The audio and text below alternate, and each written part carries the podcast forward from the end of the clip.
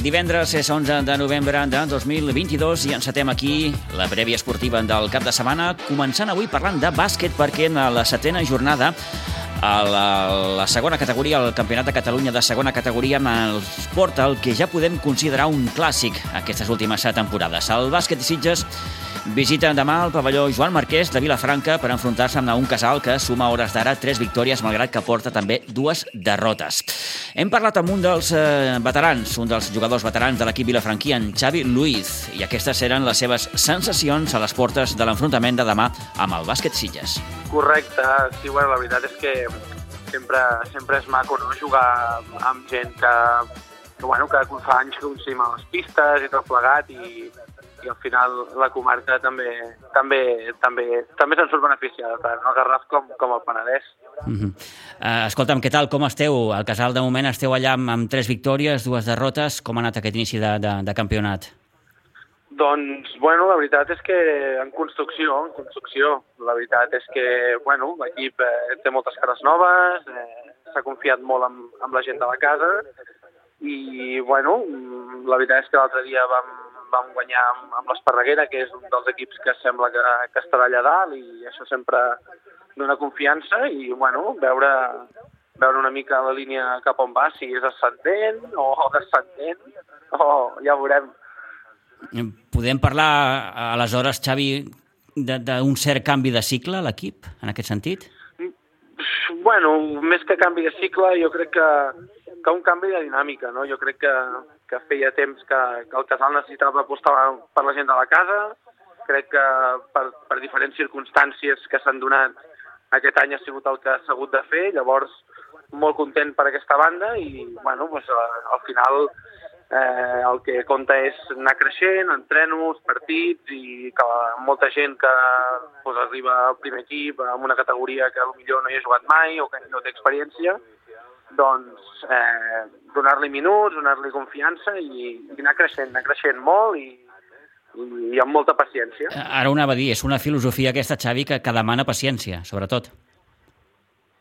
Correcte, sí, sí, vull dir, jo crec que, que és, que, que és una que, que s'hauria d'haver fet abans. Eh, al final també porto, ja diria que és la setena o vuitena temporada del primer equip i, i a mi m'agrada, m'agrada que es confi la gent de la casa i, i això, això jo crec que ens farà ser millors. Al final la gent de la casa és la que sempre queda i, i és, és un projecte maco, és un projecte maco. Per tant, eh, partint d'aquesta premissa, Xavi, clar, parlar d'objectius aquesta temporada tampoc no sé si seria un pèl agosarat. Hòstia, Pitu, pots tornar a repetir, que no t'he sentit bé. Eh, no, et comentava que, tenint en compte una miqueta eh, doncs, eh, aquest canvi de filosofia, diguem-ho així, parlar d'objectius aquesta temporada potser és un pèl agosarat, no? Correcte. Jo crec que, que bueno, l'objectiu és, és molt clar, és, és mantenir la categoria, eh, és eh, salvar els papers quan abans millor, eh, i a partir d'aquí veure on estem. Jo crec que també veient que hi ha hagut un parell d'equips que han abandonat la categoria, mirar classificacions ara o en aquestes setmanes és una mica irreal, fins que no passi realment la primera volta i tothom hagi jugat els mateixos partits, no et pots veure on te pots estar, però el nostre objectiu principal és, és, és mantenir la categoria amb la gent de casa, eh, donant sempre una bona imatge i un bon paper, i competint tots els partits i contra el rival que sigui. Uh mhm. -huh. eh, fem, si em permets, una petita ullada al passat, no massa lluny, temporada Vinga. passada. Temporada passada, en els dos duels que veu jugar amb el, amb el bàsquet Sitges, els veu perdre, ho estava mirant abans, curiosament els, els dos, tant el d'aquí casa vostra com el uh -huh. de mhm. Sitges, eh, al final tots dos equips veu acabar jugant fases, però ni uns ni altres veu acabar amb bons resultats. Us va quedar un regust amarg de la temporada passada, Xavi? Jo no, no, no consideraria un rebús amarg. Al final crec que tant els Sitges com nosaltres hem d'estar contents d'haver fet la temporada que vam fer. Ells perdent, crec que cap partit o, o un partit durant tota la temporada, que això diu molt del, de l'equip que són. I en el nostre cas, l'any passat, vam aconseguir fer 15 victòries seguides fins que vam tornar a venir a jugar a Sitges a casa vostra. Vull dir, jo crec que s'ha d'estar content, el que passa que a vegades sembla que com els resultats no acompanyen o no s'assoleix o els objectius penses, hòstia, doncs no és una bona temporada. Jo no ho consideraria així, jo crec que el primer partit que va ser casa nostra, va ser, es va decantar l'últim segon amb una estella final, sí que el partit en canvi de casa van ser molt superiors a nosaltres, a nosaltres ens va sobrepassar el partit. Bueno, jo crec que, que, que, que no podem dir que, que, que ha de ser un regust de mar venint d'on venim, d'estar parats gairebé un any, sense ritme, sense la gent eh, poder entrenar, sense gaire compromís, per tant jo crec que, que no es pot estar a disgust. En el cas del bàsquet i Sitges, eh, ja vam analitzar el que tocava analitzar quan va acabar la temporada. L'equip certament va arribar molt just de benzina a, a jugar les fases. Eh, va perdre 4 dels 6 partits. Vosaltres eh, veu arribar també justets a aquestes fases? Correcte. Nosaltres anàvem bastant justos d'efectius i, i la benzina dona pel que dona. Mm. 30, 20 i pico partits una temporada i plantar-te a finals de maig, principis de juny, eh, jugant cada cap de setmana una altra vegada, entrenant, calor, eh, la gent ja també ve molt cremada de tota la temporada i costa, costa, la benzina és la que és. Bé, dissabte us veureu de nou les cares aquí al pavelló Joan Marquès de Vilafranca, un pavelló que gairebé tots coneixem. Eh, què té, però, aquest, aquest pavelló vostre, eh, Xavi, que, que, que es crea aquesta, aquesta atmosfera tan, tan, tan especial i peculiar? Bueno, jo crec que que el maco és que ve tota la gent de la casa. Al final, jo ara estic jugant al primer equip i venen els nens a veure i fa 10 anys o 12 anys enrere era jo qui anava a veure el primer equip. Jo crec que, que aquesta és la clau de tot, que, que ensenyar-li amb els nens que, que ells estan jugant al casal, que, que ells tindran, si s'ho treballen i si tenen la sort d'arribar al primer equip, i de, han de veure que és igual d'accessible per qualsevol dels jugadors que hi ha a la base. Llavors això crea una comunió entre jugadors, staffs, eh, directors tècnics juntes que, que fa arrossegar molta gent i, i fa que sigui un projecte molt maco, com per exemple el de la Grada Jove que el vam engegar ara fa 3 o 4 anys, que està donant molts fruits, la, els nanos responen, eh, nosaltres, per suposat, preferim sempre jugar amb aquesta gent, eh, tant en fases d'ascens com de descens ens han vingut a veure a, a diferents llocs de Catalunya, així que nosaltres només podem dir que, que estem molt orgullosos de tenir la grada que tenim, que, que no tothom la pot arribar a tenir i que, i que s'ha de valorar, s'ha de valorar molt i s'ha de tenir molt en compte. Eh, és a dir, Xavi, eh, podem assegurar gairebé al 100% que dissabte hi haurà ambientillo. Eh, mm, segurament la grada jove estic segur que no defraudarà. Això estic segur. Uh mhm. -huh. Estic segur. Eh, quin, gairebé per anar acabant, quin, quin tipus de partit preveus? Bueno, sabent eh, l'equip que té el Sitges, que manté gairebé el 90% del bloc, eh, coneixent una mica l'entrenador que tenen, el Pinyero i de més, doncs, ens, ens plantegem davant d'un equip que, que sap el que juga, que sap el que vol, que, que segurament lluitarà per estar a la part alta de, de la Lliga i nosaltres, doncs, com a, el mínim que ens hem d'exigir és competir el partit fins al final. Competir els 40 minuts, eh, donar una molt bona imatge, ser intensos, eh, juguem a casa, juguem davant de la nostra gent, i a partir d'aquí, mm, si almenys sortir del pavelló passi el que passi, però amb la satisfacció de que ho hem donat tot. Molt bé. I a partir d'aquí ja veurem. Eh, eh, us ha tocat descansar ja? Hem descansat, eh, sí, ja en principi hem descansat les dues jornades que ens pertoquen. Uh -huh. Llavors això també mm, tinc, és una mica difícil perquè et va trencant una mica el ritme de partits i d'entrenos, i això a vegades també es nota. Però sí, bueno, sí, ara... Sí. El ritme de competició aquest any és fatal. Mm, bueno, en el vostre cas ja heu jugat 5 partits, els Sitges, clar, estem a ple mes de novembre i només s'ha jugat 4 partits. Mm, això pel, pel ritme de, de, de competició, repeteixo... Això, exacte, perquè mm. pot passar-te que arriba un... Jugues dos partits seguits, després descanses un cap de setmana, jugues un altre i tornes a descansar, això no et deixa agafar sensacions, eh, provar diferents coses que, que estàs aplicant a l'entreno, però bueno, és un hàndicap que tenim tots els equips de la Lliga, per tant, en més o menys mesura tothom ho patirà. Llavors, intentar sobreposar-se, que no serveixi com a excusa i, i, i pencar més els entrenos, no ens quedarà un altre. Molt bé. Xavi, doncs agraïts de poder xerrar aquesta estoneta amb tu, que vagi molt bé, eh, i l'únic que podem desitjar així d'entrada és que dissabte es vegi un, un, un gran partit aquí a, a la pista del Casal. Doncs, doncs moltes gràcies a vosaltres i estic segur que, que serà un gran partit i que tothom qui vingui el, el disfrutarà. Gràcies, una abraçada. Una abraçada. Adéu.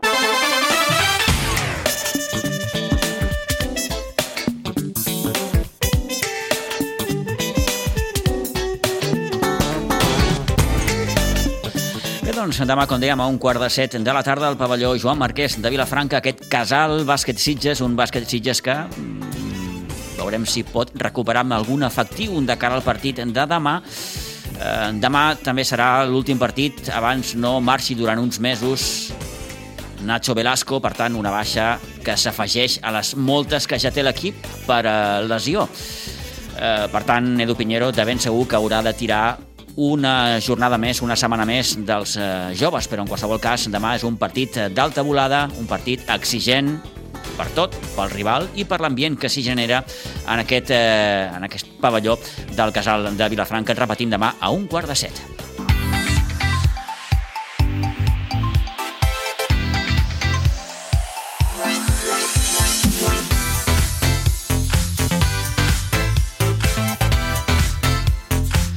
Ara mateix les 11 i 3 minuts del matí encetem l'actualitat futbolística per repassar d'entrada els partits de futbol base dels equips de la Blanca Subur. A la preferent de juvenils, vuitena jornada de Lliga, el juvenil A que en rep demà el Nou Pinsbens a partir de les 5 de la tarda al Marianao Poblet. Un Marianao que arriba a aquest enfrontament de demà com a novè classificat amb 9 punts per tant, tres més que la Blanca i amb un balanç fora de casa d'un empat i dues derrotes. Partit que es juga, repeteixo, demà al Nou Pinsbens a partir de les 5 de la tarda. Saludem l'Isidre Gómez. Isidre, bon dia i bona hora. Hola, molt bon dia. Hem començat per aquí, com cada setmana, amb el partit del juvenil de preferent. Repeteixo, demà, no diumenge, demà al Nou Pinsbens a partir de les 5 de la tarda. I pel que fa a la resta... El juvenil eh, teníem un forat dissabte i, i així omplim i els nanos poden disfrutar el diumenge. El juvenil B ens jugarà dissabte a les 5 de la tarda al camp del Sant Cugat Ses Garrigues A. El cadet diumenge a les 10.30 al camp del Vilanova i Geltrú A. El cadet B diumenge a les 12 del migdia a Pinsbens contra el Bassa Olèrdola B. En categoria infantil, l'infantil A jugarà diumenge a les 10 del matí a Pinsbens contra l'Atlètic Sant Just. A l'infantil B, diumenge a les 9 del matí al camp del Vilanova i el Geltrú D.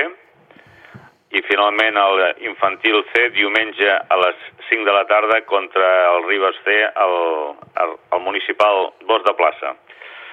En categoria Aleví, l'Aleví ens jugarà demà dissabte a les 10.30 al, contra el Castelldefels D a, a Castelldefels. L'Aleví B ens jugarà dissabte a la 1 del migdia a Pinsbens contra el Sant Boià C.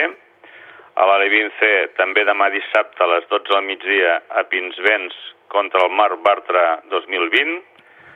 El D també dissabte a les 10.30 a Pinsbens contra el Ribes C.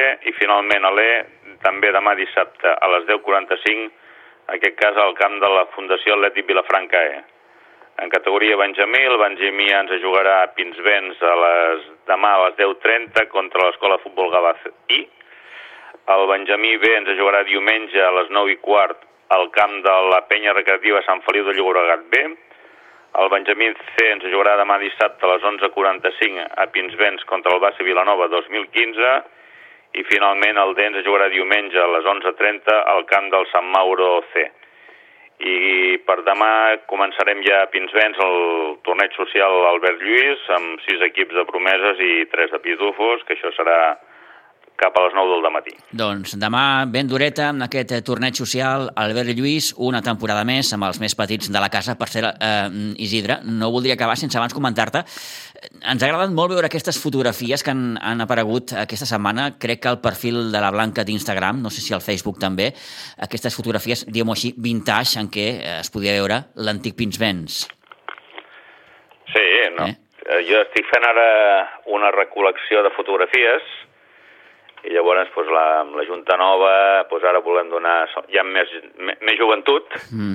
i més integrats a les xarxes socials i doncs, bueno, volem donar un, un impuls amb, amb aquesta apartat que tant en moda està i en auge i clar, ja dic, la Junta s'ha rejuvenit una miqueta i bueno, aprofitem que jo tinc temps i em dedico a escanejar fotografies i fotografies i més fotografies. N'hi ha, suposo que, vaja, un fotimer, com, com es diu en aquests casos. Pues mira, jo ja dic, vaig miqueta a miqueta i em porto escanejades més de 500 i la llàstima que també amb el trasllat, abans de traslladar-nos al Nou Pinsbens hi va haver-hi una inundació al, al vell i es van perdre molta cosa, Uh -huh. però bueno, tot el que n'hi vaig recuperant, intentarem... La meva il·lusió també és que eh, fer un llibre, o si més no, estem, estem intentant que el llibre que està escrivint el Jordi Fuster del Retiro, eh, de, la, de la història del futbol sitgetà, inclogui un bon apartat de, de la Blanca De la. Blanca, clar, clar, clar. Aviam si això arriba a bon port i, i mica en mica pues, deixem constància de la, de la nostra petjada en aquesta ciutat. Oh, I em va fer tanta il·lusió la, la fotografia que em, que em, vas, que em vas passar l'altre dia també, Isidre. Ostres, Sí, és, no, no, és em vaig passant amb alguns i alguns diu, uf, com era jo, uf, mare meva. És que va ser una etapa tan, tan, tan bonica. Bé, érem, érem, érem canalla, òbviament, i, i aquella etapa, aquells partits dels dissabtes al matí a, a l'antic Pinsbens, els recordem, i molt. Demano a la gent, ara que si ens està escoltant algú, Mm. que si algú té fotografies de l'època que estàvem allà a Can Perico, Oh, Camperico, clar, aquesta és més, més, més, és- sí, més, més prehistòrica, si se'm permet la paraula. això ja seria molta història, perquè Sí. ja dic, allà van començar i alguns jugadors de la Blanca ja són una mica granadets, Mm. Van començar allà els partits i, bueno, seria també interessant pues, poder tenir alguna fotografia d'aquella d'aquella època. Perquè ara tiro de memòria i no sé si et, et, et poso a tu en un compromís. Eh, eh, en quin moment es trasllada la Blanca a, a Pinsbens? Ho saps? 60 i alguna pot ser? Uh, espera't, uh, jo tenia... Uh, jo tenia 16, 16, 17 anys, en faré 65, eh, pues, això deu fer 40... Bueno, 47, 48 anys, quasi. déu nhi sí, sí, sí, sí, uns quants anys. Bona part de la història de la Blanca no s'entén, òbviament, sense l'antic Pinsbens i, clar, eh, tot això, eh, com, com explica molt bé l'Isidre, eh, hi ha un arxiu fotogràfic, clar, de tots aquests anys que, que, que ve molt de gust, suposo, anar, anar triant i, i remenant. I, I important és que, aviam, abans de no ens deixen les persones que van començar, perquè alguns ja ens van deixant, Clar. malauradament, És llei de vida, sí, sí, sí. pues, intentar pues, que, que ens passin la informació que han viscut ells i, i poder fer això un recull perquè les noves generacions puguin reconèixer el, el que era el futbol sitgetà i el que era en particular la, la Blanca Segur. Sí, sí, on, on, on es va començar a coure tot plegat, eh? diguem-ho així. Isidre, moltíssimes gràcies. Gràcies a vosaltres. Bona setmana, adeu-siau. Adeu.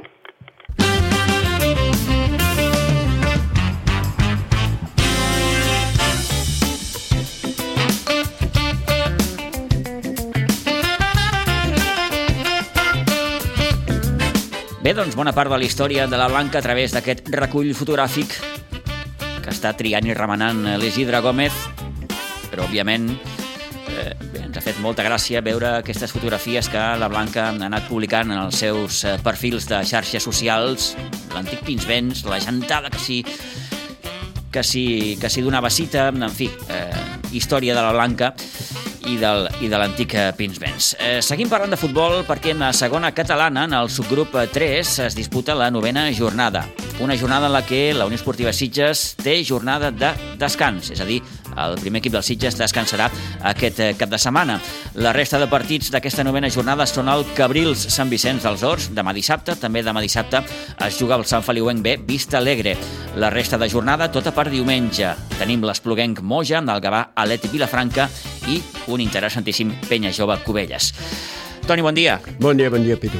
Tenim la jornada de descans dels Sitges, per tant, aquest penya jove Cubelles que capitalitza, almenys comarcalment parlant, doncs, aquesta jornada número 9. Sí, a més, és una... De què serà capaç la penya jove i si el Cubelles eh, també serà capaç de mantenir aquest mm, bon inici de campionat.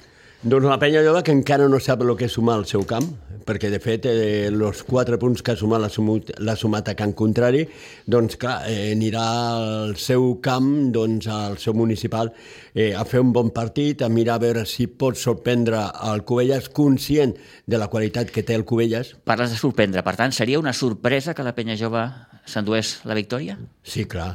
Si veus a un i veus a l'altre... Sí, clar. posat a la balança, Clar. en números a la mà, Clar, òbviament. És, és, és una sorpresa. Si, el, si la penya jove eh, aconseguís sumar, sumar, ja no dic guanyar, uh -huh. és sorpresa, perquè, doncs, clar, el Covellà ara per ara és un dels equips que més en forma està en aquesta categoria i que doncs, ja lo va demostrar aquí al municipal. És un equip a l'alçada dels Sitges, com els Sitges a l'alçada del Covella, i per mi, com he dit, eh, són superior a los demés. El que passa que a Can Contrari eh, pot passar moltes coses, no? I en un derbi també, no? I a més a més, un Penyalloba que se va reforçar mica en mica, que va introduint jugadors, Sigor Bengoa, eh, sortirà al terreny de lloc, com a mínim, a no deixar-li espai al Covella i a veure si pot eh, fer sonar la flauta sí, sí, i sumar, algun, sumar. algun resultat positiu sumar. a través d'un empat, si no pot ser la, la victòria. Per tant, Toni, si el Covelles fos capaç de guanyar a, a les Roquetes, li prendria el liderat als Sitges. Sí, clar, perquè... El... Recordem que el Sitges suma 19 punts, 17 té el Covelles. Sí, perquè el Covella no ha perdut cap partit. El Covella ha empatat dos partits. És l'únic equip que no ha perdut. No ha perdut cap partit. Com ara eh? que, com diu el Toni, n'ha empatat dos. Sí, ha empatat dos, ha empatat al Camp del Moge i al Camp dels Sitges, Sí, sí, sí. no? i al municipal d'Aiguadol, no? Eh, no ha perdut cap partit, eh, doncs ja sap el que descansa, clar, ara descansa el Sitges, com el Sitges ha perdut un amb el Gavà, doncs que el, el Covella li treuria, mm, guanyant a la Penya Lloba, li treuria un punt, un punt, al un punt. Sitges. 20 sumaria, per tant, al, al, al Covelles, que haurà de jugar i haurà de suar, suposo, eh, per, eh, per, bé, per endur-se quelcom de positiu de, de les Roquetes aquest, eh, aquest diumenge al, al migdia. Um, a la tercera catalana, um, el Sitges B sí que juga i ho farà a Vilafranca, al camp del base Espirall, al camp municipal de l'Espirall, demà dissabte a partir de dos quarts de sis de la tarda. El proper rival del Sitges B, que ara mateix és novè a la classificació, suma 11 punts. El seu balanç eh, com a local, jugant a casa, és de 3 victòries, un empat i una derrota. Una derrota prou contundent que va patir uh, un 0 a 5 amb el Riu de Villes. Marca tants gols com encaixa, és a dir, 16. Uh, I si anem als enfrontaments de la temporada passada, el Bas Espirall, no oblidem que va ser capaç de golejar el Sitges B aquí a Iguadols, 0 a 4, i 1 a 1 al seu camp. Per tant, la referència més propera que tenim, Toni, no és bona. No, no, no, perquè no, l'any passat que el Sitges tenia un molt bon equip, jo no dic que sigui millor que aquest, perquè me dona la sensació que aquest Sitges d'enguany és més compacte, és més equip, doncs uh, no lo va guanyar a l'Espirall, va perdre a casa i va empatar fora, no?, al camp de l'Espirall.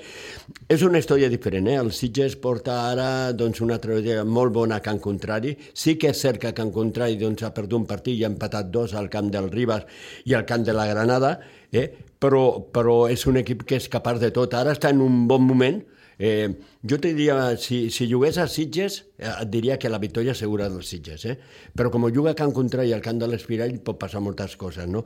Però ara per ara jo penso que aquest Sitges le pot eh, posar molta feina, eh, fer-li treballar molt a l'Espirall i jo estic convençut que el Sitges pot treure alguna cosa positiva i si poden ser els tres punts millor. Ho vàrem assenyalar dilluns, en el temps de descompte, però, clar, de les vuit jornades que de moment s'han jugat, eh, només en una el Sitges B ha deixat de sumar, Sí, i la primera. que va ser la primera, a Vilanova del Camí, on va perdre per 2 a 0. La resta, doncs tot han estat victòries i algun que altre empat. Això l'ha portat fins a aquest tercer lloc de la classificació i no sé, Toni, sé que és molt d'hora, però sí l'equip es pot plantejar mm, com a mínim pensar en què eh, bona part de la temporada mm, se la pot passar en, en aquesta zona noble de la classificació. Jo crec que sí, Perquè parlar de promocions, hores d'ara, em semblaria un, no sé, eh?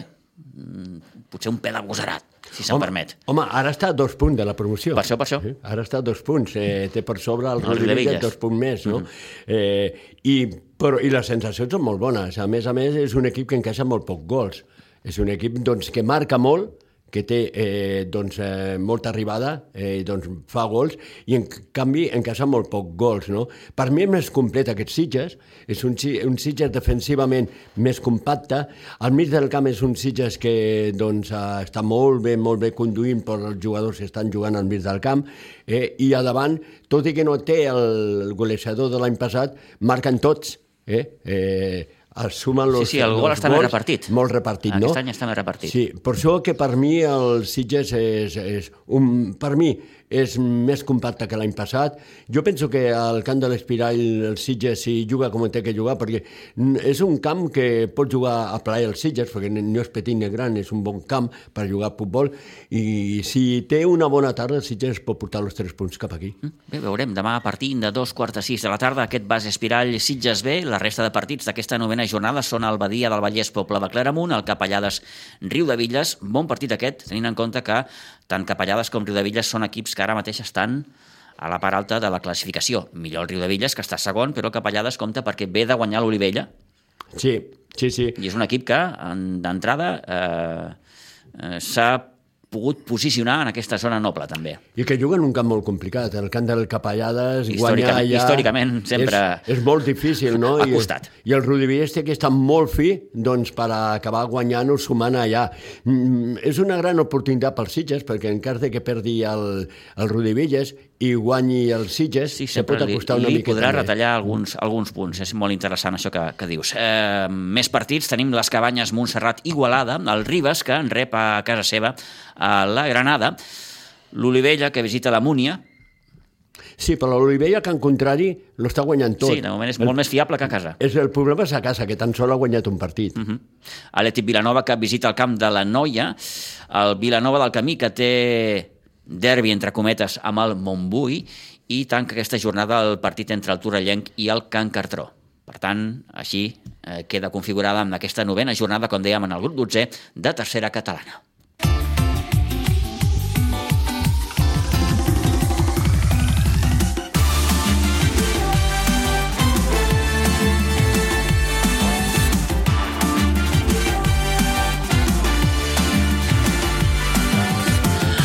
Vinga, 11 i gairebé 19 minuts del matí. Parlem d'en rugby perquè després de la derrota davant el Sant Cugat el Rugby Club Sitges s'afronta amb aquesta jornada número 6 amb, no sabem si, si, si dir-ho així, la missió gairebé impossible de treure quelcom de positiu de la seva visita demà a Saragossa davant un Fènix que ha guanyat 4 dels 5 partits que ha disputat i que ara mateix amb el Cau i l'Hospitalet són els 3 millors equips d'aquest grup B de segona de divisió d'honor B.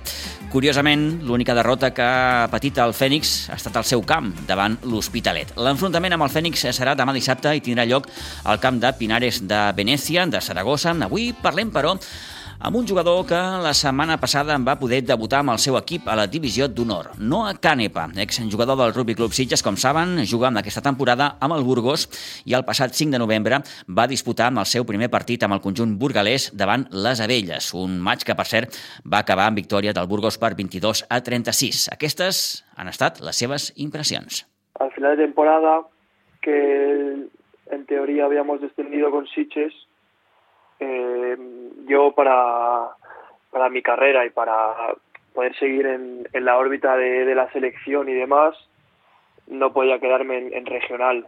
Entonces eh, se me presentó esta oferta de, de Burgos y con mi padre la planteamos y, y escuchamos también alguna otra oferta y al final de proyecto deportivo y de profesionalidad este era el que más se acercaba a eso a, a un equipo profesional Eh, y la, no, te iba a decir, cuando tienes más de una oferta entiendo que ¿qué es lo que más pesa? Mm, ¿El proyecto, como comentas?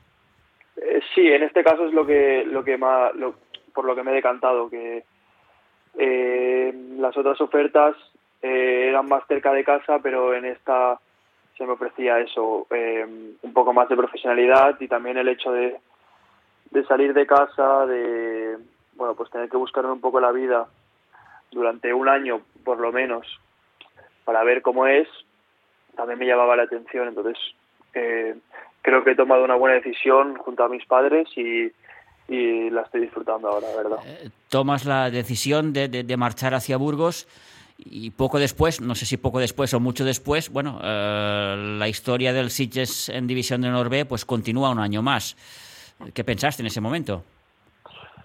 Sí, fue poquito después y la verdad es que por el equipo me, me alegré un montón, obviamente, Eh, pero yo sabía que la decisión que había tomado era la que iba a seguir y también pienso que si no hubiéramos descendido matemáticamente, eh, yo no habría tenido la opción o no creo que me hubiese planteado la opción de salir del club, por lo que no estaría teniendo la opción de, entrenar con un equipo de División de Honor y de poder tener algún minuto en División de Honor. Entonces creo que eh, en parte para, para mí personalmente en el momento que descendimos eh, fue algo positivo a nivel de, bueno, pues ahora toca buscar otra cosa y salir de mi zona de confort y bueno, el hecho de que al final Siches se quedase, se pudiese quedar en División Honor B, obviamente eh, me alegré mucho por, por mis compañeros y por mis amigos y de hecho desde aquí los estoy siguiendo cada fin de semana. Eh, bueno, pues aprovechando lo que comentamos un poco, Noah, bueno, ya, ya, ya ves cómo está el tema. Todavía no han podido ganar un partido, un, un inicio de temporada que se asemeja y mucho a lo que vivisteis el año pasado también. Sí, es una situación complicada porque eh, nos hemos ido unos cuantos, algunos por, por trabajo, otros por no poder compaginar otro año de, de viajes y tal con el trabajo, con los estudios o con lo que sea. Y está siendo duro, pero bueno, ya somos un equipo que siempre sufre, desde regional, de inferiores al senior, siempre no tenemos las cosas muy fácil entonces estamos acostumbrados y bueno, con Isaac y con Camilo, eh, que ya llevan mucho tiempo haciendo trabajo con el senior, ya poco a poco lo van a ir remontando, estoy seguro. Y el fruto quizás se vea años más tarde, ¿no? El otro día Camilo, precisamente aquí en la radio, lo comentó, ¿no? Es que somos un club formador. Sí, eso es verdad porque muchos chicos eh, que empezamos desde las inferiores acabamos yéndonos, digamos, por porque el nivel que al final eh, al que se juega en Siches por la categoría en la que está, igual nosotros, digo nosotros porque hay algún algún chico más que, se ha ido fuera, em, es un nivel que nos gustaría probar uno un poco más alto. Y bueno, sí, hay, hay clubes que, que suben todos los de la casa y consiguen que se queden y otros que, eso, como dice Camilo, al final si te puedes tener la idea de que eres un club forma, formador y bueno, es, te tienes que acostumbrar a ello y, y bueno, lidiar con eso. Y tener paciencia sobre todo. Sí, efectivamente. Bueno, Noah, explícanos un poco qué tal esa experiencia por Burgos con el equipo, con tu debut el otro día, uh, ganando a, a las Abellas 22-36. Contento, supongo, ¿no? Sí. sí, sí, muy contento, la verdad. Cuando llegué, por cómo soy de, de persona y tal, me, me, costó un poco adaptarme al equipo y a, a la, la ciudad nueva, a la casa y demás. Pero bueno, ya creo que he estado muy bien acogido y ya estoy muy adaptado al equipo. Y eso, ya llevaba un par de jornadas con ganas de, que me pudiesen llamar con el primer equipo y al final pues se me ha dado esta oportunidad y aunque fueron poquitos minutos, lo que le comento a, mis amigos que me preguntan y tal es la experiencia de, de vivir un fin de semana con un equipo de, de División de Honor, del viaje, de, de la concentración y demás, es muy diferente a lo que venía viviendo y era algo que, que, que quería estar. Hmm. Entonces es algo positivo para mí. Eh, mira, ahora prácticamente me lo has quitado, ¿no? Porque te quería preguntar si es mucha la diferencia, ¿no? De estar en un club como Burgos, claro, es división de honor, a estar, claro. como decíamos, aquí en Sitges con un club más, si se me permite, más familiar. Sí, al, al final en Sitges eh, jugué con, con gente que conozco desde que tengo cuatro o cinco años y es muy diferente a a salir de, de, esa zona y jugar con gente pues que al final son fichajes que, que no conozco de tanto tiempo y bueno, que tienen un, una mentalidad algo diferente a, a lo que venía viviendo, la verdad. Bueno, ¿qué esperas en definitiva de esta temporada, Noah? Pues espero que el entrenador siga confiando en mí, que me dé más minutos en División Honor y bueno, en conjunto en el equipo eh, creemos que tenemos bastantes posibilidades de quedar muy arriba en la tabla, incluso de poder hipotéticamente salir campeón. Y bueno, estamos muy motivados en eso, estamos entrenando muy bien y yo personalmente creo que estoy creciendo bastante como jugador, en el gimnasio, en el sistema de juego me veo muy bien integrado, entonces muy contento. Y a ver, ahora tuve la mala suerte de que no me llamaron con la selección sub-20, a ver si ya para la próxima concentración tengo una oportunidad ahí. Eh, porque mm, te pregunto, ¿regularmente qué juegas con el segundo equipo? Eh, sí, eh, este año he jugado de momento tres partidos con, con el sub-23, que también es Liga Nacional. Sí que lo que suelen hacer con, con chicos como yo, jóvenes, que con proyección, eh, para darnos minutos es también probarnos en el sub-23, para no estar parados mucho tiempo y, tener minutos en las piernas y ya luego cuando haga falta poder subir al, al, primer equipo sin, sin ningún problema. Mm. Bueno, ¿y qué tal por la ciudad? Bien, de momento ahora está empezando el frío, que ya me lo habían pintado muy mal, pero Ahora, por ejemplo, hace mucho sol, pero sí es verdad que estos últimos días ya empieza con el frío de, el típico de Burgos. Sí, sí, sí, sí. Aquí las, las temperaturas bajas son muy bajas. Eh, no he estado nunca en Burgos, pero bueno, por lo que comentan y lo vivirás en, en primera persona, pues es, es así. Um, una experiencia que tiene, tiene en principio no fecha de caducidad. ¿Hasta cuándo estarás? Bueno, yo eh, firmé por un año, pero ya durante la temporada iremos viendo qué tal. De momento sí que es solo por un año, pero no descarto eh, que si me, les gusto y quieren que siga con ellos, eh, pues poder quedarme un año más. Vaya, que no quieres marcarte plazos en principio. No, yo voy por el momento. Si acabo contento a final de temporada y se me ofrece la oportunidad de seguir, pues seguiré. O depende de lo que pase. Si veo que no, que al final me pesa mucho el estar fuera de casa y de mi familia y demás. Si necesito volver, pues volveré, pero de momento no, no, no me decanto por ninguna de las opciones. Eh, eh, por cierto, ¿cómo lo llevas el, tema de, de, de, estar cerca o lejos, en este caso, de tu familia, de tus amigos, de tu pueblo? Pues es de momento es de lo que más me ha pesado el, el no estar cerca de, de eso, de mis amigos y de mi familia pero bueno, ya lo llevo bien. El otro día que tuvimos un fin de descanso y nos dieron el, el viernes libre, pude escaparme un par de días a Sitges, así que me quité las ganas de, de, verlos y de estar un rato con ellos. Además, mis padres ya han venido un par de veces a verme, así que aunque no es durante el día a día poder estar con ellos, sí que igualmente los veo bastante frecuente, la verdad. Perfecto, pues eh, nada, no queríamos, queríamos saludarte y felicitarte por ese debut en División Tenor. Nos alegramos muchísimo. Eh, nos duele mm, verte en Burgos porque nos gustaría verte aquí con, con el Sitges, pero bueno, eh, adelante y, y, bueno, y que tengas mucha suerte en esta, en esta temporada, ¿de acuerdo? Muchas gracias, Pitu. Venga, un abrazo. Un abrazo. Doncs, aquesta conversa que vam mantenir aquesta setmana amb Noah Canepa, actual jugador de Burgos, va poder debutar a la màxima divisió del rugby espanyol amb el seu equip, amb Burgos, per tant, tota la sort del món que és el que li dèiem, no? també ens sap greu que gent com ell no pugui estar a hores d'ara doncs, defensant els colors del Rugby Club Sitges, però òbviament, ell en el seu moment va haver de decidir de marxar i de buscar un, un projecte que el consolidés també a la màxima categoria del, del rugby espanyol.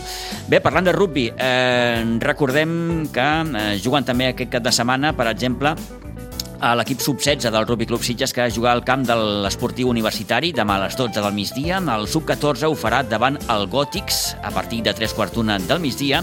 El sènior B que rebrà demà a l'Hospitalet B en el partit que jugarà amb el nou Santa Bàrbara a partir de les 6 de la tarda i recordem també que demà el camp de rugby de Pinsbens acolliran la segona edició del torneig Mater Series, un torneig en el que juguen tan sols dones majors de 35 anys. Hi participaran 8 equips de diferents punts de la geografia espanyola i s'establiran dues categories, categoria desenvolupament i categoria competició. Els partits, recordem, es jugaran demà al Nou Santa Bàrbara a partir de les 11 del matí. I acabem amb hoquei patins i hoquei herba, perquè en hoquei patins, per exemple, tenim derbi aquest diumenge entre el Club Patí Subur Sitges i el Club Patí Vilanova. El maig es jugarà a partir de les 7 de la tarda, abans però a les 6 es farà l'acte de presentació de tots els equips del club per aquesta temporada 22-23. Recordar també que l'infantil jugarà amb la Pinsbens contra el Mollerussa diumenge a dos quarts de cinc de la tarda, que l'Aleví A ho farà a Vic demà a partir d'un quart de sis. L'Aleví B jugarà amb la Sant Sadurní contra el Sant Josep demà a les 11. El Benjamí B ho farà davant el Torre Lavit a Pinsbens diumenge a dos quarts de dotze del matí i també juga a casa el Prebenjamí contra el Piera diumenge a partir de dos quarts d'onze. I acabem amb els partits que jugaran també en aquest cap de setmana els equips del Sitges Hockey Club. Parlem, per tant, de hoquei herba. L'Aleví que jugarà a Terrassa davant el Club Egara. Ho farà demà a partir de dos quarts d'onze del matí. Els dos benjamins, els més petits, el benjamí vermell rebrà l'Iluro de Mataró demà a dos quarts de dotze aquí al nou Santa Bàrbara i també jugarà a casa el benjamí blau. Ho farà davant el Club Egara, en aquest cas diumenge, a partir de dos quarts de dotze.